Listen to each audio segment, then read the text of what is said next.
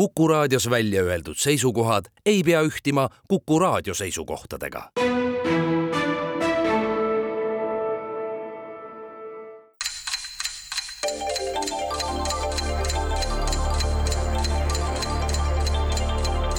tarkade klubi targemaid küsijaid toetab lisateadmistega Postimehe raamatukirjastus tere taas, Kuku raadio Tarkade klubi tervitab häid kuulajaid ometi käesoleva varase kevad- või linnukuu esimesel laupäeval ning annab hagu takka sulavatele vetele, võimendab ruuporina neid, kel hääled on nokkade peal, pakub niiske istumise alla kummivaipasid, hea tuju hoidmiseks tikrilimonaadi ja stritslit ja üleüldse teeb kõik selleks, et rõõm räästani, kui mitte kõrgemale ulatuks. head kuulajad, teie kuulatav Kuku raadio sai eile kolmekümne kahe aastaseks ja Tarkade klubi uue tulemise enam kui kümneaastane traditsioon näeb mõistagi ette selle tähtsa päeva pühitsemise läbi asjaomase mälumängu, kus osalevad mängijad ja küsitavate küsimuste teemad on seotud Kuku raadioga, mis juba vanemasse noorusikka jõudnud ja esimesi halle karvu peidab. see on tunnismärk kogemustest ja võetagu seda kui ka püksitrakse, viisakat vesti, vesti, head kõnepruuki, mõningast kogemust, maitsemeele muutumist, ruudulist päevasärki ja pärastlõunast kaasaelamist piljardispordile. kõik vastused ja vasted võivad olla õiged, aga määratult valed. tarkade klubi osalised täna sel erilisel mängul on laenanud aksessuaarideks kõige suuremalt sõbralt pruunid kuldsete tähtnidega kikilipsud, poleerinud pintsakunööbid ja köhinud kurgust soolakristallid, et rõõmuga asuda arutlema saatejuhi pakutava vaimutoidu kallal, kas seda kohe alla kugistades või siis pikemalt järama jäädes. hea meel on Kuku raadio stuudios selle saate saate debütandina tervitada kahtlemata meie saate osalistest kõige kogenumat rännumeest ja enim pulmi külastanud saate Jäljed gloobusel juhti Andres Karu. tere! ja Andrese paarilisena selle saate veterani, meie saate osalistest kõige enam materjalisünteesiga tegelenud Kuku Võuna saatejuhti Marek Strandbergi tere, tere! ja Karu Strandbergi vastastena on täna hea meel tervitada mälumängusõpradest poliitikakuru saate osalisi, saate osalistest kahtlemata enim politoloogilist kirvest ihunud Tõnis Lehte. tere, tere! ja Tõnise paarilisena meie saate rekordimees tuju rikkumises, Erik Moorat. tervist! suur tänu, et olete meiega. küsimuste autorid Kivimäe kooli ajaloo ja ühiskonnaõpetuse õpetaja Margus Pillau, raadiokuulajad Indrek Kristenbrunn, Taavi Pae ja Valeri Küpsis on teile valmis seadnud küsimused, mis mahuvad niisiis Kuku raadiosaadete nimesid kandvate teemade alla terviseks. ilmaparandaja, vanamehed viinavabriku kõrvalt, entsüklopeedia ja Ukraina erisaade. alustame ja anname avavaliku õiguse debütandi võistkonnale, nii et Andres ja Marek, palun. nojah, see on nüüd kõige olulisem valik ka vist. see, ega pärast ei ole enam midagi. üldiselt siit võib valida mida iganes, sellepärast et kõigis nendes saadetes on ka ju räägitud äh, mida iganes. ma ei tea, hakkame järjest minema, mis see esimene oli, oli terviseks, terviseks, jah. väljend terviseks kõlab eestikeelse sõnana täiesti vahvasti ja vaieldamatult sündsalt ka ladina, nii nagu teisteski keeltes on olemas midagi konkreetset sellele vastavat, mis tõlgituna tähendab las see olla sulle hea. Öelge nüüd, kallid mängijad, antud kuuldud tõlkefraas ladinakeelses originaalis. oh sa jeega. las see olla sulle hea. peame siin mõtlema, no ega kui keegi nüüd ütleb, et pea siin ladinakeelne kõne ei oska, las see ei, mul on ikka täielik tühjus, nagu mulle noh, tõenäoliselt lõpuks selgub, et tegemist on nagu ühe sõnaga, on ju. ta ei ole üks sõna, aga no mõtleme, et äh, tõenäoliselt on hea ikka see, mis äh, on kõikidest nendest keeltest äh, tulnud, et noh, bon või boonus, no võiks olla Bon, boom, boom, boom, boom. proovin lihtsalt nägu teha, et ma sellest midagi tean, aga jah, olen nõus. Bon, bon. või bene või midagi niisugust, eks ole. hea on bene, võib-olla on veel midagi, aga, aga noh, üks asi nagu, nagu et uh, nota bene, aga kas see on terviseks või ta on tõlgitud nagu pane tähele, aga ega meil muud pähe ei nota. No,, pole aimugi. ainukesed bonnid, mis tulevad, ongi nagu Bon Voyage ja Bon Aqua. jah seda. hea vesi siis nagu jah, et ja, head reisi ja hea ja, vesi. ja, ja täpselt, täpselt noh, ega see ongi, ega, ega no ütleme, eesti keelest on maailmakeeltesse väga vähe sõnu läinud ja selles mõttes nagu noh, me võime pead ragistada, sellepärast et ega peale nota bene't ei ole ühtegi niisugust noh, ju noh, ta tõlkub küll, et pane tähele, aga kui Timo nüüd küsib, eks ole, siis äh, Bene ei ole nagu ühelgi moel tähelepanu. Itaaliat tead, see on seal kuskil, oled käinud? oled sa käinud, seal peaks olema linn nimega Beneventum ei ole käinud. ei ole, see, see oli mingi koht, kuhu neid igasuguseid äh, äh, suuremaid ja väiksemaid kaabakaid poliitikuid vist välja saadeti, minu meelest oli see ka üks koht, kuhu nad läksid sinna selle nii-öelda killukohtu peale, saadeti nad hea tuule linna Beneventumisse, see ei ole pane tähele tuul, see on hea tuul no ma ei tea, jau-, jaurame siin, ega mingisugust nagu noh, nii-öelda sädelust ei tule, et ei, kau-, kaugel sellest jah. Ja., kas, kas sellisel puhul antakse üle või? ei, mis mõttes, meil on vastus, meil on vastus, et kui sul paremat vastust ei ole, et mul ei ole ühtegi muud mõtet peas. nagu nota bene või? Nota bene, jah. Oh.. ilus vastus, kahjuks ei pannud seekord nüüd nii hästi tähele, et ei ole õige vastus, jah, palun, Tõnis Eerik kahju kohe, et see õige vastus ei olnud. meil on endal ka, aga meil on nagu enamus, et kui me hääletame, siis me võime öelda, et see on õige vastus, nagu kombeks demokraatlikes mängumängudes. Beene saime juba varem endale kirja, kui see nota benegi lauda tuli, aga tuleb siis nagu käisest korjata neid äh, ladinakeelseid sententse, mis ju ometi on Eeriksul väga kõik palju peas. peas noh, alusta alusta siis parem sina selle. no mul on täiesti kasutud mulle mm, -hmm. mulle meenub, et äh, utesint vires tamenest laudata voluntas ehk äh, kui puudub jõud, tuleb kiita tahet no, mis on ka ju peaaegu nagu terviseks, eks ole, kui eesti keeles. las see olla sulle hea, kas see kõlas? aga sellest ei olnud kasu praegu. ja, ja homo homini lupus est on, las see inimene olla sulle hunt selle olemisega või olla, sellega on veel ju ladina keeles ka see häda, et seda nagu mõnikord ei peeta vajalikuks seda, seda verbina sinna üldse panna jah, ja eks ta ka need las ja see ja sulle nii-öelda tõlk, tõlkija rõõmud ka sageli, jah mo,. moonduvad või ei kirjutu ülemäära pikalt tingimata ka välja, vaid nii-öelda ühenduvad teiste sõnade külge ja nii edasi, et, et ega see uh -huh. väga pikk äh, hüüatus äh, tõepoolest ilmselt ei ole, et mida sa väga pikalt ka selle terviseks teemal nagu ka, ka karjatad, tahad ikkagi minna asja sageli. juurde mm. -hmm. aga nagu alati kui siia saatesse sattuda, siis, siis mõte hakkab liikuma kohe pärast õige vastuse kuulmist kuskilt ähm,. jah, ega nagu päris itaalia keelde komistada liiga palju pole ka mõtet, aga benefissima ja ben, benvenido ja, ja, ja. benedictus Buongiorno samas Buongiorno on täitsa ju sobilik vana ladinlase hüüatus.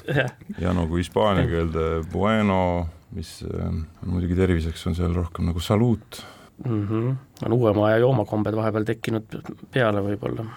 ah, ütle midagi, sul on midagi paberil kirjas ja siis no siis, nojah, sal-, saluut eh, hispaania keeles on tõesti terviseks äh,, mäletan, et äh, gladiaatoritel ka surmamineku eel, eks ole, nad või võitluse eel äh, neid tervitati või nad äh, õigemini tervitasid ka ise keisrit või keda seal aukandjat parasjagu areenil võtta oli, aga noh, see läheb ikkagi juba täitsa valesse suunda ei pruugi, kui teaks seda õiget väljendit, millega nad Salu, salutaarem äh, ja, ja siis tulevad need äh, morir surema mm. -hmm.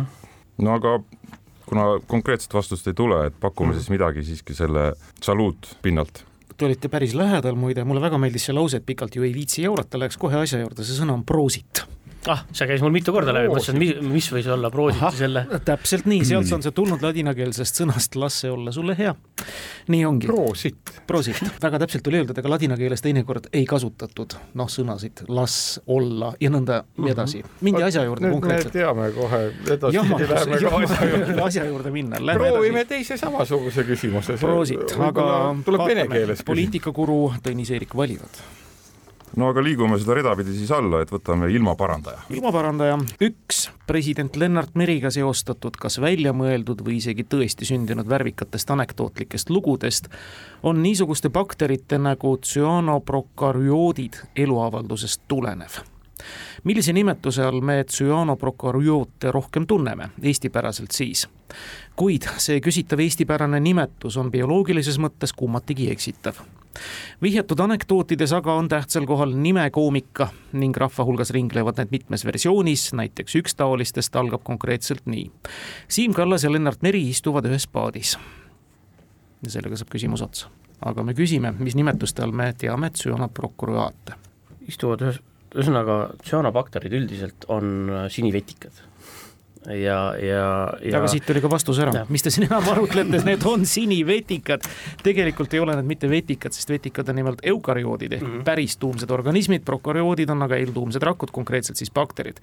ja no teadagi, meri kohta käivates vastavates anekdootides jõutakse küsimuseni, mis siin haiseb ja vastuseks kõlab meri haiseb. nii, väga hea, me saime mängule silma pähe ja Marek Andres.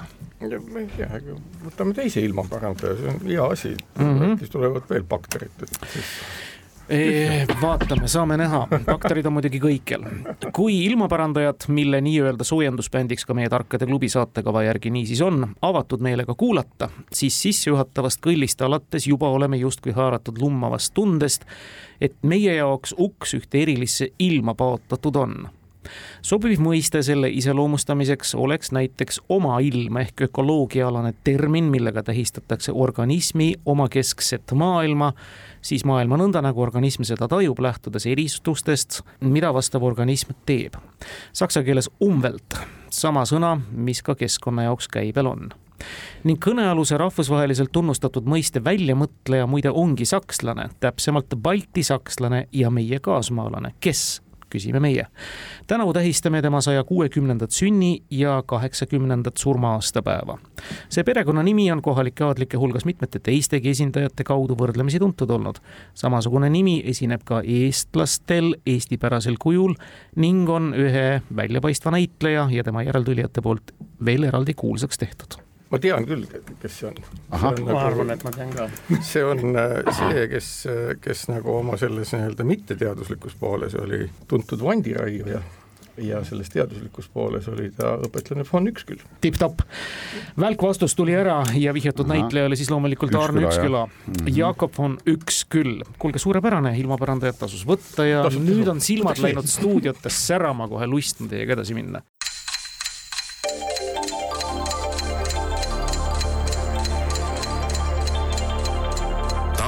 tarkade klubi. targemaid küsijaid toetab lisateadmistega Postimehe raamatukirjastus. Tõnis Eerik, viigiseisult üks-üks, palun. ma ei tea küll, mis saade see on, kahjuks imekombel ainuke, mis mulle võõras oli, aga vana, see Vanamehed viinavabrik, mis iganes. jaa, see on sünonüüm saatele ja isegi parem sünonüüm kui saate nimi ise olukorrast ajakirjanduses ah.. ja selle saatejuhid nimetavad ennast vanameesteks viinavabriku kõrvalt vanamehed viinavabriku kõrvalt hoiavad samuti parteilisel ajakirjandusel ja selle tegijatel silma peal. nii kulmekergitav, kui see meile täna ka ei tundu, on Eesti Keskerakondki püüdnud korruptsiooni paljastamiseks Eestis ja selle vastu võitlemisse oma panuse anda. aastal kaks tuhat üheksa ilmus sarjas Kesknädala raamat Urmi Reinde eestvedamisel teos, mis nimelt antud teemale keskenduski kesknädalas ilmunud lugude ja Edgar Savisaare mõnede blogipostituste kompileeritud kontsentraadina. millist pealkirja see üllitis kandis, kõlab küsimus. see on otsene parafraas ühe maailmakirjanduse tuhande kaheksasaja kuuekümne kuuendal aastal ilmunud ja eesti keeles tuhande üheksasaja kahekümne üheksandal aastal Anton Hansen Tammsaare tõlkes trükivalgust näinud tähtteose pealkirjast. no kui selle teema peale mõelda, millest siis Urmi Reinde seda korruptsiooni vastast raamatust kirjutas, et kas see võis olla noh, aasta kaks tuhat üheksa, see oli Ansipi teemadel, pakun praegu mm. -hmm. aga ma ütlen ausalt, mulle nagu tuleb tuttav ette, et midagi sellist oli, aga ma kahjuks isegi see ei tule meelde, mis tee, mis, mis raamat see oli, küllap me kindlasti omal ajal olime sellega kursis, võib-olla isegi lugesime ja leidsime sealt äh, poliitsatiirilist poliitilise satiiri jaoks ainest. Mingil määral see võis, võis, võis sedalaadi olla, eriti kui see oli niisugune eitliku laadi ka, selles mõttes mul tuleb ette, et midagi niisugust oli jah, aga no ühesõnaga tege-, tegemist siis Keskerakonna ikkagi propagandistliku äh, väljaande ja ühe nagu autori, eks ole, mm kirjatööga siis, äh, mille vastu see suunatud sai olla. aga seal võib olla ka see, et, et isegi kui see nagu on millegi vastu suunatud ja see asi ise oli tore, aga see nimi ei pruugi olla seotud kuidagi meie jaoks nagu ei pruugi. selle asjaga, jah ta võis olla muidugi ka mitte tingimata millegi vastu, võis olla ka millegi poolt, kuigi noh, võitlus korruptsiooniga eeldab ikkagi millegi kritiseerimist, aga, aga võime nagu mõelda nagu teoste nimesid, pean tunnistama, et tollest ajast selle konkreetne, konkreetse nii-öelda Taiese nime mul küll mälus ei olnud, on ju. ei no eks seal on erinevaid teoseid, mis, mis, mis, mis see võib olla. No ta peab olema piisavalt äh, selline dramaatiline ja natukene ja ikkagi tuntud, üle maailma tuntud romaan ja äkki Söekaevurid on niisugune, äkki oli mingi a la mingi Kullakaevurid või mingi niisugune pealkiri sellel.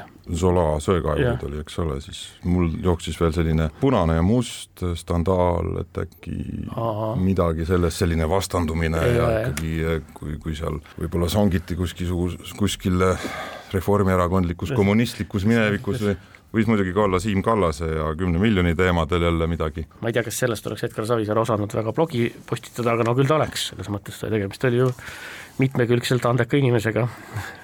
no see ajastu tuhat kaheksasada kuuskümmend kuus, kui originaal ilmus, et ja, Dumas põhiteosed ja Jules Verne'i teosed äh, olid ju ka noh, laias plaanis seal ajastus nad ka kirjutasid pikema perioodi jooksul. Jules Verne võiks küll olla jah, oota mõtleme, mis no Jules Verne'il on äh, kakskümmend tuhat lööd vee all ja siis mis iganes, kuuekümne kümme miljonit vee all kümme miljonit kümne miljoni päevaga ümber maakera või oli see kuuekümne päevaga kolm musketäri. tuleb tõdeda, et ega me üheselt õiget vastust ei tea, et siis me peaks, me peaks, peaks kuidagi helisema meil selle nüüd selle Eesti pealkirjaga kokku natuke, et me tahaks, et me oskaksime öelda, et seda Eesti pealkirja pakkuda, ma saan aru, et see nimi ju sama ei olnud. ei, parafraseeritud. et see oli parafraseering just mm, -hmm. et selles mõttes. noh, parafraseerimise mõttes see söekaevurid äh, iseenesest sealt saab nagu jah, korruptsiooni suunas ja no just, et see kulla, kulla kaevamise suunas liikuda, et see on hetkel meie omadest parim jah, mis me oleme öelnud. sellepärast see mul jäi nagu natuke kohe hakkas kuidagi helisema, et, et just selle korruptsiooniga, mis asi nagu haagib neist kõigist, no mina ei tea. no paneme selle. suurepärane vastus, ei ole kahjuks punkti andev vastus, nii et ikkagi jääb teile, Marek Andres. no see on ikka nagu selles, selles mõttes ikkagi selline lagunevast toidust tehtud kunstiteos, mis tänaseks hetkeks on muutunud täielikult kompostiks ja ära haihtunud, et sellest ei tea no mitte ühtegi jälge, no Tammsaare no mis keeltest ta üldse ma arvan, et Tammsaare valdas saksa, inglise ja äkki ka prantsuse keelt, need inimesed olid ju koolis käinud omal ajal, et need olid ikkagi, koolid olid ikkagi koolid siis. see aitas praegu küll hullult edasi. jah no, mm -hmm., ja ma just mõtlen, et minu noh, soovitused on alati väga praktilist laadi mind ennemgi kiidetud selle pärast just jah, aga jah, et nagu no mis me siin natuke nagu nüüd võib nagu ju reeta, eks ole, mis me siia kirja panime, et mhm. Jules Verne'ilt, aga noh, miks nii hilja peaks tõlkima, millal see oli, üheksateistkümnenda sajandi, mis aastal? see oli raamat originaalis ilmus tuhat kaheksasada kuuskümmend kuus Eesti keeles tuhat üheksasada kakskümmend üheksa. üheksasada kakskümmend üheksa, see oligi siis Tammsaare tõlgitud mhm. tuhat kaheksasada kuuskümmend kuus. aga see saladusliku saare? saladuslik saar nii vara küll ei ilmunud, et noh, oleks võinud parafraseerida, nagu sa panid, et mis oleks olnud saladuslik laar, aga, aga see tuhat kaheksasada kuuskümmend kuus, Bern oli natukene hiljem ikka. Ja tuhat kaheksasada kuuskümmend kuus, noh, ega siin midagi ei ole, tuleb lihtsalt peast läbi lasta kõik kirjandus, mis sellest ajast meelde on jäänud ja vastus on null, et ei teagi täpselt. mida on Hugo kirjutanud? hüljatud, tõenäoliselt midagi veel. ütleme, hüljatud ja teised teosed, mida siis on parafraseeritud Urmi Reinde poolt. Punane ja must võib ka ilmselt sinna aega jääda, aga mida seda, mida sa parafraseerid, seda punast ja musta. kindlasti mingisugune bibliofiil siin nagu itsitab siin raadio kõrval, õigesti teeb tal muud ikka teha on. no me võiks muidugi välja tulla sellest, et nii vanu raamatuid teate me ei loegi mm. -hmm. ja isegi kaks tuhat üheksa on ikkagi väga vana aeg juba. jah, me proovime praegu siin kahe tuhande kahekümne kolmanda aasta raamatud ja. kõik läbi lugeda. kõik jah, täpselt, aga see ei õnnestu. kaasa arvatud uued õpikud. aga vot mõtle, mis asi see olla võib, no kas see, ja see on ilukirjanduslik teos mm, -hmm. ilukirjanduslik teos, see ei ole ka mingisugune filosoofiline teos, enam-vähem vist mitte samasse aega, kuuskümmend kuus ei ole, on see Darwini liikide tekke, eks ole, et noh, võib-olla, aga noh, seda parafraseerida on üsna raske lähedasel moel kirjutadagi. Mul on käed ammu püsti, et ma palju lugenud mehena mina ei tea. jaa oota, aga kui, kui täiesti nagu minna veel kaugemale, nagu minnagi mingi Shakespeare'i ja kuhugi sinnakanti äkki. Shakespeare tuhat kaheksasada kuuskümmend kuus oli tal üsna raske kirjutada. siis ta ilmus ju originaal, jah, vabandust, jah. originaal oli siis okay., et mul korra oli et ma ei tea isegi, kes see autor on, see võib olla ka mingisugune vene autor. Tolstoi on hiljem, eks ole, muidu võiks öelda Sõda ja raha. Tolstoi see ei ole. ütleme, anname alla, ütleme, et, et see ei ole meie maitse, me, see ei ole meie maitse ja pingutame, kuidas me pingutame, et ütleme, see, mis on prügikasti läinud, sinna ka jääb ja on ilmselt leidnud kõik need Oota. tähed on, no oot, oot, oot, ei, ei, ei, kõik mitte. need tähed, mis sinna raamatusse on pandud, loodetavalt on leidnud endale uuskasutuse uutes raamatutes ja me ei tea sellest, see, see on nagu see eurolaul, et me ei tea sellest raamatust midagi mm. -hmm. jääb nii siis? jääb nii, jah kahju, mul juba tärkas lootus, kui sa läksid Vene autorite peale. Fjodor Dostojevski Kuritöö ja karistus. raamat pealkirjaga Kuritegu ja karistamatus. see ikka nii keeruline värk. ei olnud, aga Kuritöö ja karistus. no ja, jah, Dostojevskini oleks jõudnud, aga no jah. kui sa juba Tolstoini hakkasid minema no,, siis hakkas juba tärkama. aga terk-, sa oleks võinud nagu noh, vot nagu silmaga no, kuidagi märku anda, aga sa oled siin nagu niisugune pokkeri nägu, et meil ei ole mingit abi hmm. sellest tegelikult. meil tuli ka mõte, et äh, Jumalaema kirik Pariisis eeskujul, et äkki see oli siis Jaani kirik Tartus aga ei, ei olnud seegi. siit ei aga olnud. uusi ideid kindlasti Keskerakonna järgmistele kirjastamiskatsetele. ei, ei, ei, me neid ei tohi kasutada, need on kõik, mis siin öeldud on, on äh, autorikaitsega kaitstud. aga palun Karu ja Marek. oota, esimene terviseks on, terviseks on teine ka veel või? teine on ka. see esimene oli päris valus, nii et võtame teise ka. jaa, ikka valus, peab saama. Kui...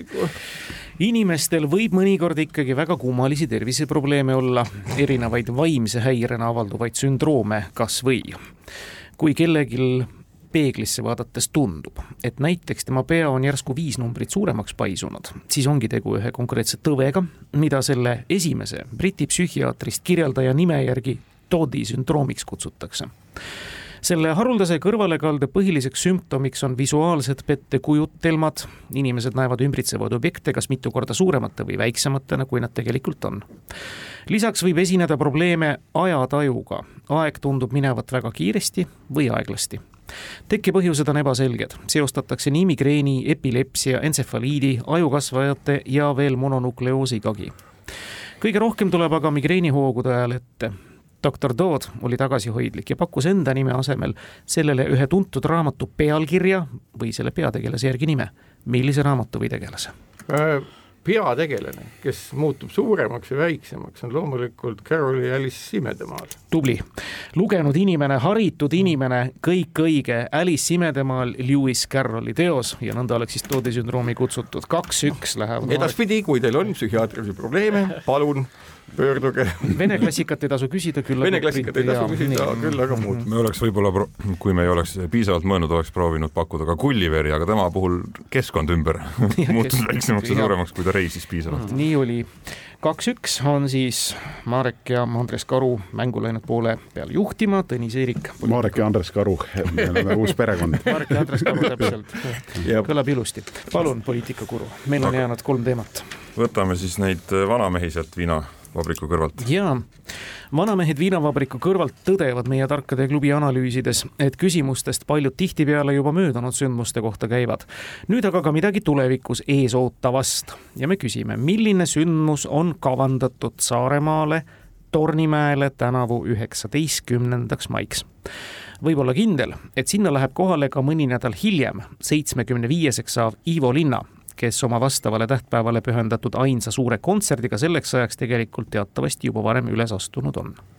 üheksateist mai, Tornimäe. Nonii, Ivo Linna läheb esinema tõenäoliselt. ja üheksateistkümnendal mail. ja Ivo Linnal oli ka siin vihje väikesele juubelile. jaa, tal on küll juubel mõni nädal hiljem.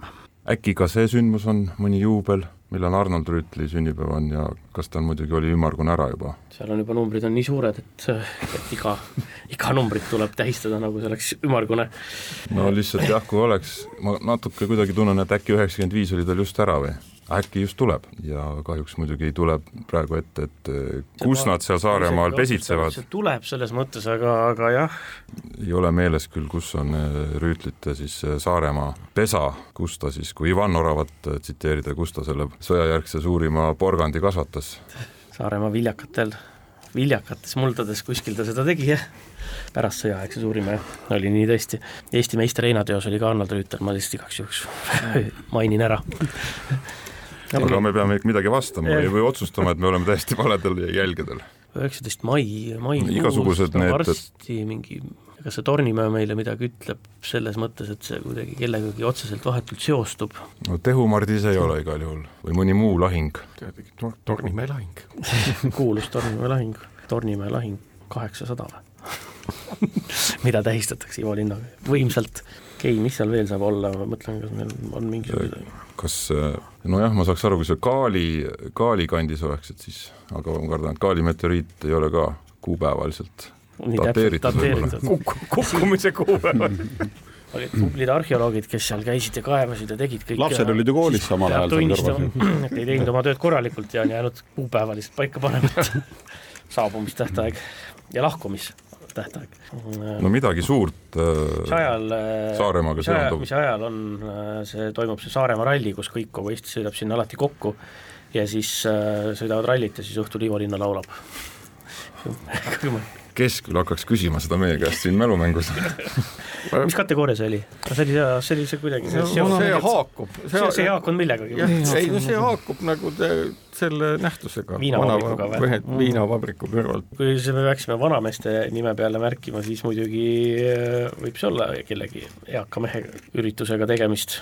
no siis see, see loogika võib isegi ise seda tähendada, et, et no aga paneme paneme ära, sest muidu ma hoiame jälle seda pendli enda käes. paneme siis Rüütli sünnipäev. nii ilus, Rüütel sai üheksakümmend viis jah, läinud aasta kahekümne kaheksandal mail ja nüüd ta saab üheksakümmend kuus, aga seda ei minda Tornimäele tähistama. viga. viga jah. mul ainukesed asjad, mis Tornimäega tulid meelde ma, nagu... me teadsime, et mais kuigi tegelikult ei teadnud et vot, kui Torn-, ma olen sealt hiljaaegu läbi sõitnud ja siis noh, Tornimäel kõige kõige silmapaistvamad asjad on, seal on üks äh, väikelaevade tehas on, seal on pood, mille ees ei tohi parkida, parkima peab teisel pool teed. võib-olla siis ja... nagu sel päeval just võimaldatakse parkida Tornimäe poe ees. ja, ja seal on õigeusu kirik ja seal ei ole kaugel, ei ole muidugi kaks asja, ei ole Väike Väin ei ole kaugel ja ta on ju kohe Väina tammist sõidad üle, siis pöörad vasakule põhimõtteliselt. On Tornimäe, kaks kilti oled kohal. Ja siis ei ole seal veel, seal, sealt kuskilt läheb ka see piir, see õ ja ö-tähe piir läheb ka sealt nõnda, et ta nagu ka Väina tammist sõidad üle, siis kohe vasakul on see suur oo, millel on siis nii täpid kui lainele peal. see on hea mõte, kuna tegemist on, ju mäletame, kes esitasid meile küsimusi, üks nendest oli Taavi Pae. no ma ei usu, et Taavi Pae saaks, kui, kui see on tema küsimus mida loomulikult meile, või sa ütlesid, kes küsis küsimuse? ei öelnud. vot ei ütle, ei ütle mm. ja kui see on Taavi Pae küsimus, siis see ongi nii-öelda õ-tähe piiri tähistamine. kui sa ütled, et sa oled seal käinud ja näinud seda asja. jah kas see viinavabrik on ka lihtsalt ei no viinavabrik, ei, ei see viinavabrik on nagu lihtsalt see, et see on saade niisugune noh, kus ja. need äh, kurud siin, põhimõtteliselt kokku koosnebki kurudest, eks ole, nemad on siis ajakirjanduskurud, kes siis käivad ja räägivad, mis on halvasti ja, ja, ja sellel ei ole noh, ainuke asi, mis okay. on õ-tähega pistmist, on see, et äh, ajakirjandust tehakse ka tähtede abil veel. ja Ivo Linna tuleb sellepärast kohale, et noh, tema on ikkagi, jääb selle õ-tähe poole peale, aga noh, siis ta no, ta, nagu, kuskil nagu laulab, eks ole, ta tuleb ja. mõnitama, eks mm -hmm. ole aga et eh, noh, oletame, et see on Taavi Pae küsimus, siis ta ju ei saa jätta küsimata kõiki küsimusi, kus on nagu õ-tähe piir sees, sellepärast et see on tema elutöö. ühesõnaga mingisugune asi, mis on seotud õ-tähega. sada. ei, kindlasti õ-täht kakssada näiteks. Okay.. Õ-täht kakssada. See ei ole kuldvillak praegu. Ega meil paremat ei tule. see kõlab nii ilusti, ma arvan, et Taavil kõrvad liiguvad, kui ta seda kuuleks, aga see ei ole tema küsimus. No,. see on Margus Pillau küsimus. Ja selles mõttes olite lähedal, jah, küsitava küsimuse subjekt elas tõepoolest Reinakülas ja Tornimäel, kust see piir tõesti jookseb ja see õ ja ö-tähe piir seal on. tegemist on Eesti kaasaegse ajakirjanduse isa Juhan Peegli kuju avamisega tema kodukohas Tornimäel, ka Juhan Peegli kodu jäi sul mainimata vaatamisväärsustest. sa ei ole näinudki seda seal või? Tornimäe kooli juures saja viiendal sünniaastapäeval Ivo Linna on Juhan Peegli õepoeg. kõik on omavahel sugulased, seda ma aimasin.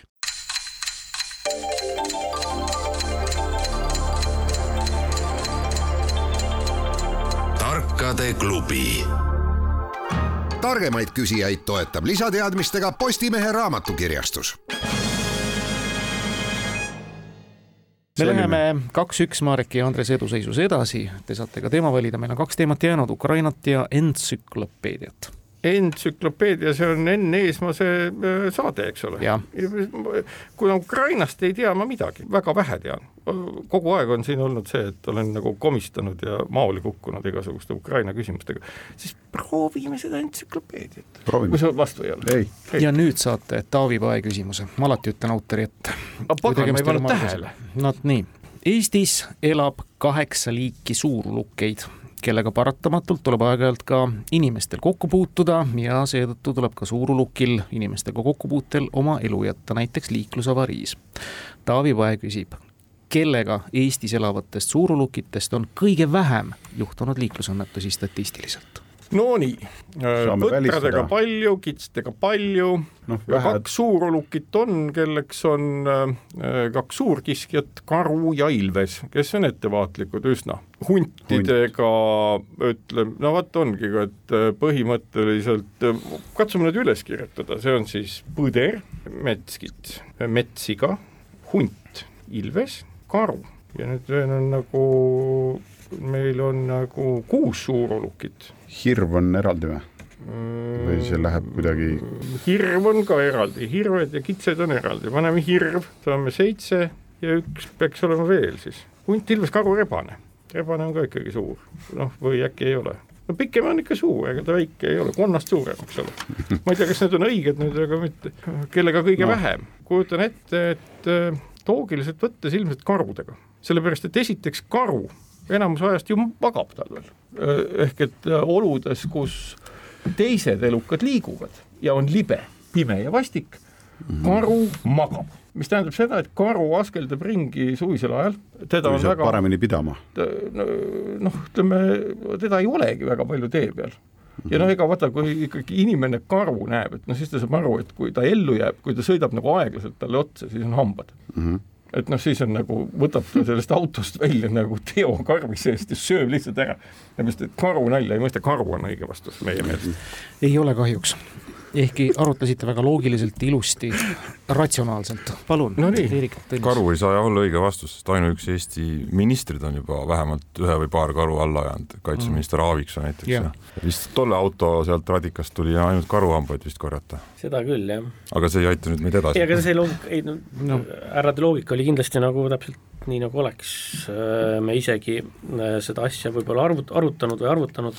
kas me saime aga, kaheksa suurulukit kirja? meil on just seda, et meil on ka seitse suurulukit praeguse seisuga, et justkui see keegi, kes on kõige haruldasem ja meelde ei tule või keda seal, lihtsalt ma ei tea, keda selleks nagu antud hetkel loetakse, sest et Eestis esineb ka ju Ahmi näiteks, keda auto alla aetakse, keda on nähtud nii harva, et auto alla ajamisest pole juttugi, ma arvan. kas rebane läheb aga siin arvestuses? ei ole suurulukk ma arvan, selles arvestuses ikkagi kährikud, rebased, šaakalid, ma arvan, ei, ei kuulu selle kategooria alla, kuigi hunt kuulub selles mõttes. hunt on natukene aga mõõdult suurem, ehk noh, kui näiteks... rääkida neist, kes meelde tulevad, siis äh, levinumatest, tuntumatest, siis eks hunt ja ilves on siin võistlevad omavahel. just, ja nad on ka väga arukad ja ettevaatlikud loomad selles mõttes, äh, mul näiteks ei tule üldse meelde, et ma oleksin kuskil kuulnud, et kuskil jäi ilves auto alla või sõideti, sõideti ilvesele otsa, see kuidagi tundub võõras, hundile ma tean, on ikkagi otsa sõidetud. aga no ilvesega nägemist muidugi on, on päris palju siin, aga noh, temaga ongi see, kui keegi kuskil näeb, siis kipub ka uudis tulema. ja kui ta, ja kui Timo luges küsimust ette, siis mul esimene mõte, mis kohe äh, hüppas pähe, oligi punahirv, sellepärast et ka seda kuulda vähe ja punahirv ei ela paljudes kohtades. Lääne-Eesti. ta elab põhiliselt just äh, saartel ja,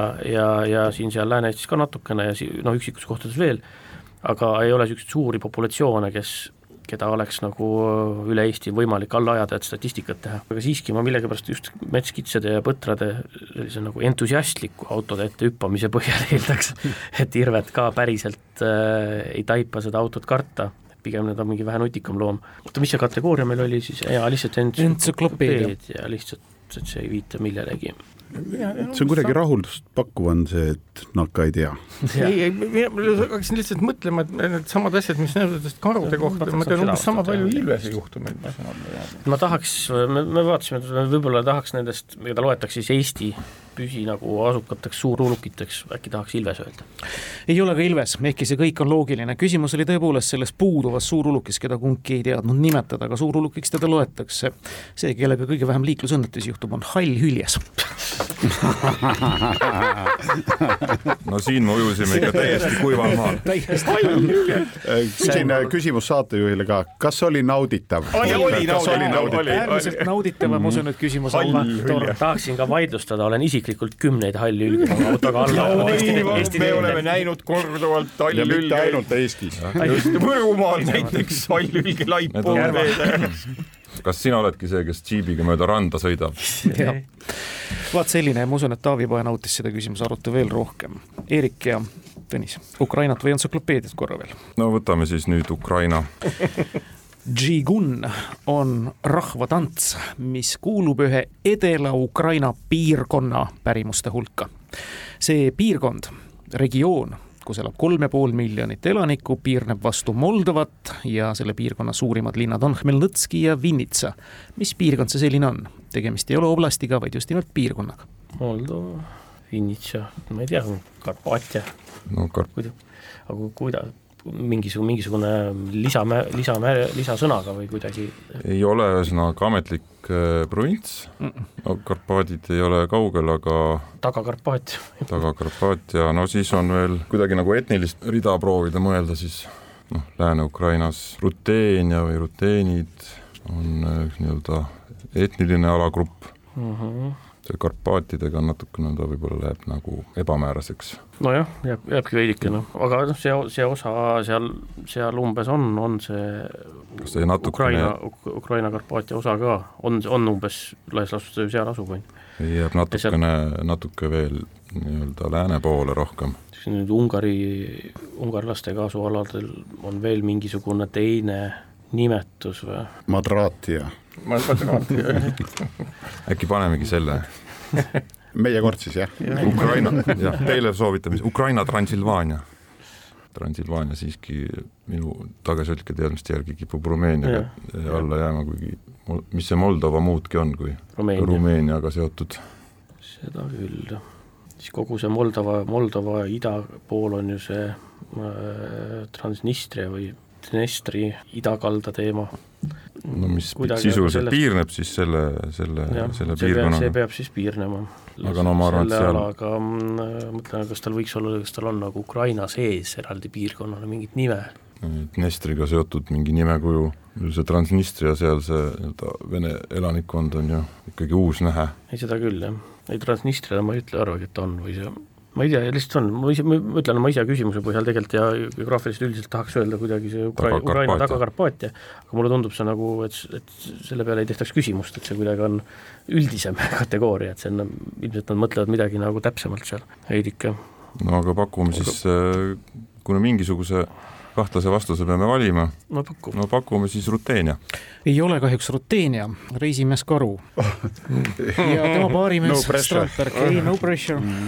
No ega seal ju nojah, et ega piirkond on Karpaadid, ega no alam, ülem, lähi. jah, mul oli mingi see, mingi Lähis-Karpaatia on käinud nagu kuskilt ilusasti läbi. noh, ma olen, noh, Karpaatides olen käinud, Vinnitsasse ma isegi olen ka sattunud nüüd paar aastat tagasi korra. mida nad hüüdsid seal, kuhu sa sattusid, tulid tere, tere tulemast Lähis-Karpaatiasse. valuutavahetus, tulge siia, hüüdsid Okei. peamiselt. Valuuti noh. kas sulle nagu see Lähis-Karpaatia, niisugune asi, kas sul ei, tuleb mul ei tule nagu mitte, mul ei ole nagu, ma võin vastata mida iganes, ma võin vastata Kaug-Karpaatia, Lähis-Karpaatia, see kõik tundub mulle täiesti arusaadav, et nagu pigem on see, et kui sa oled juba Vinnitsas käinud, siis katsu nagu mingi noh mm -hmm., kujuta ette, sa oled nüüd Vinnitsas, mida su ümber räägitakse, milliseid sõnu sa kuuled, keskendu.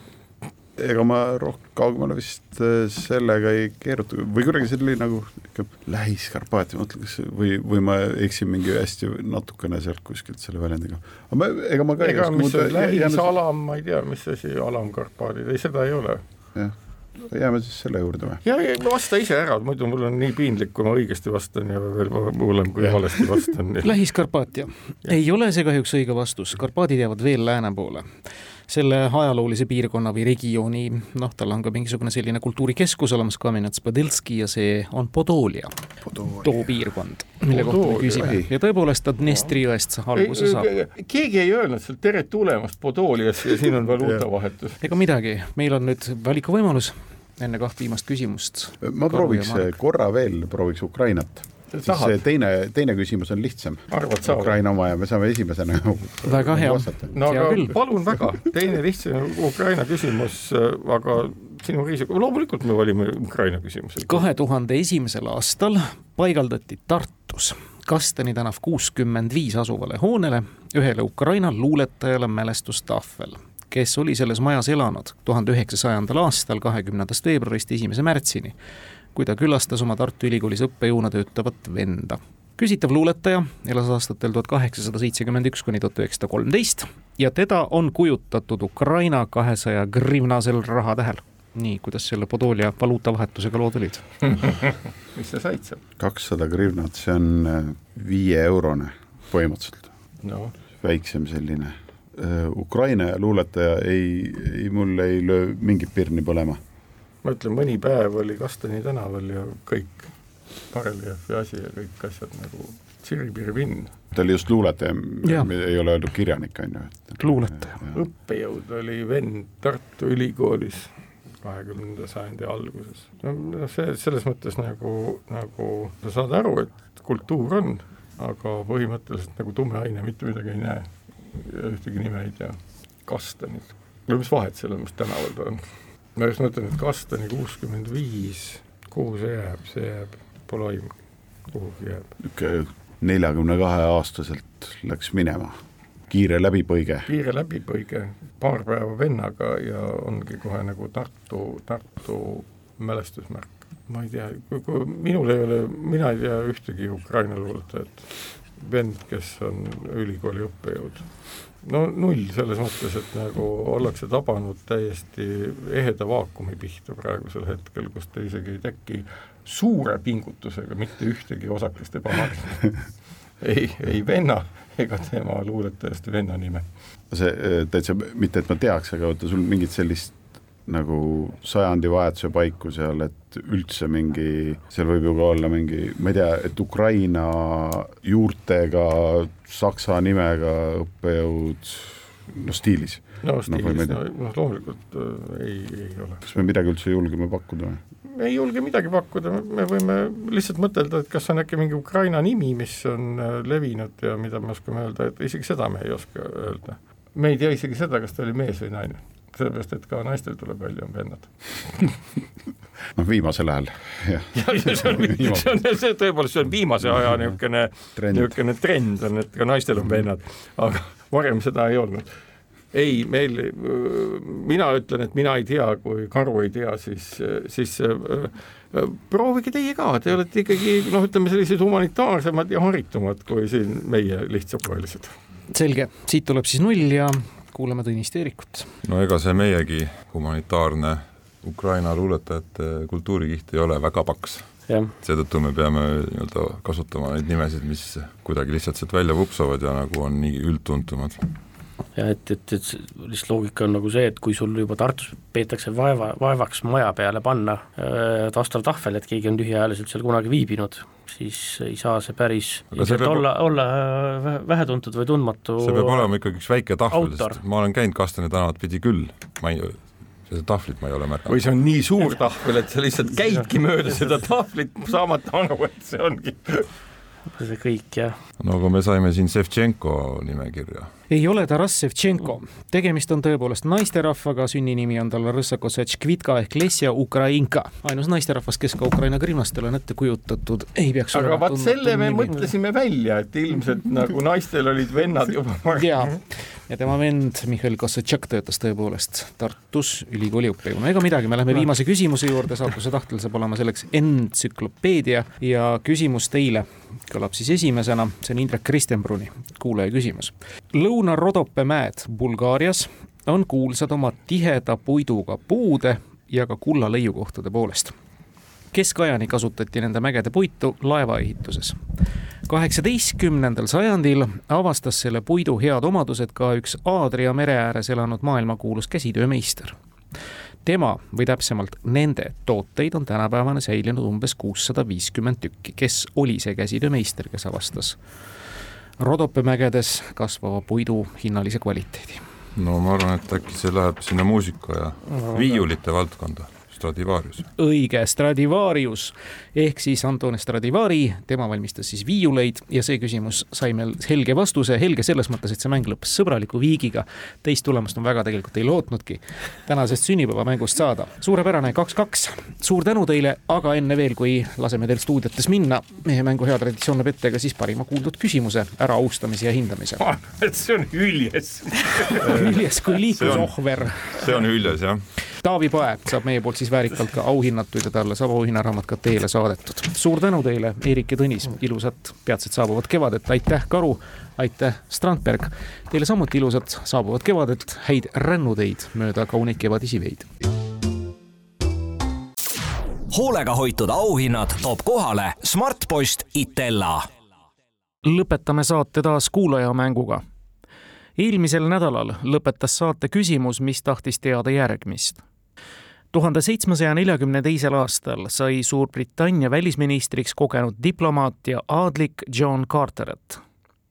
ta oli opositsioonile pinnuks silmas selle eest, et sekkus üsna palju teiste riikide välisasjadesse, et kaitsta Inglise kuninga Georg teise valdusi Hannoveris. aga kuningas hindas Cartereti väga, teistest valitsuskabineti liikmetest rohkem.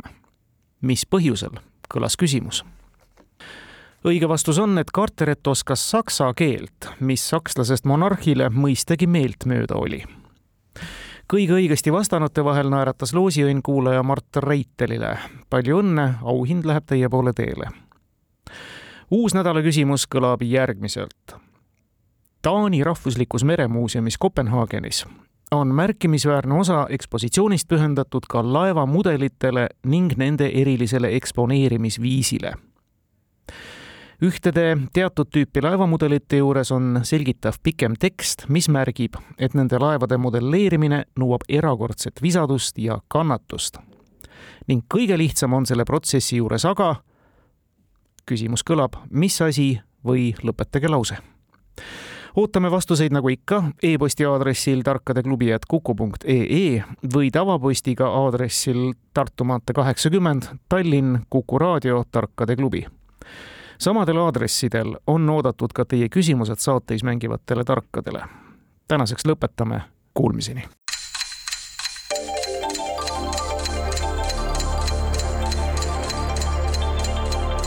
tarkade klubi.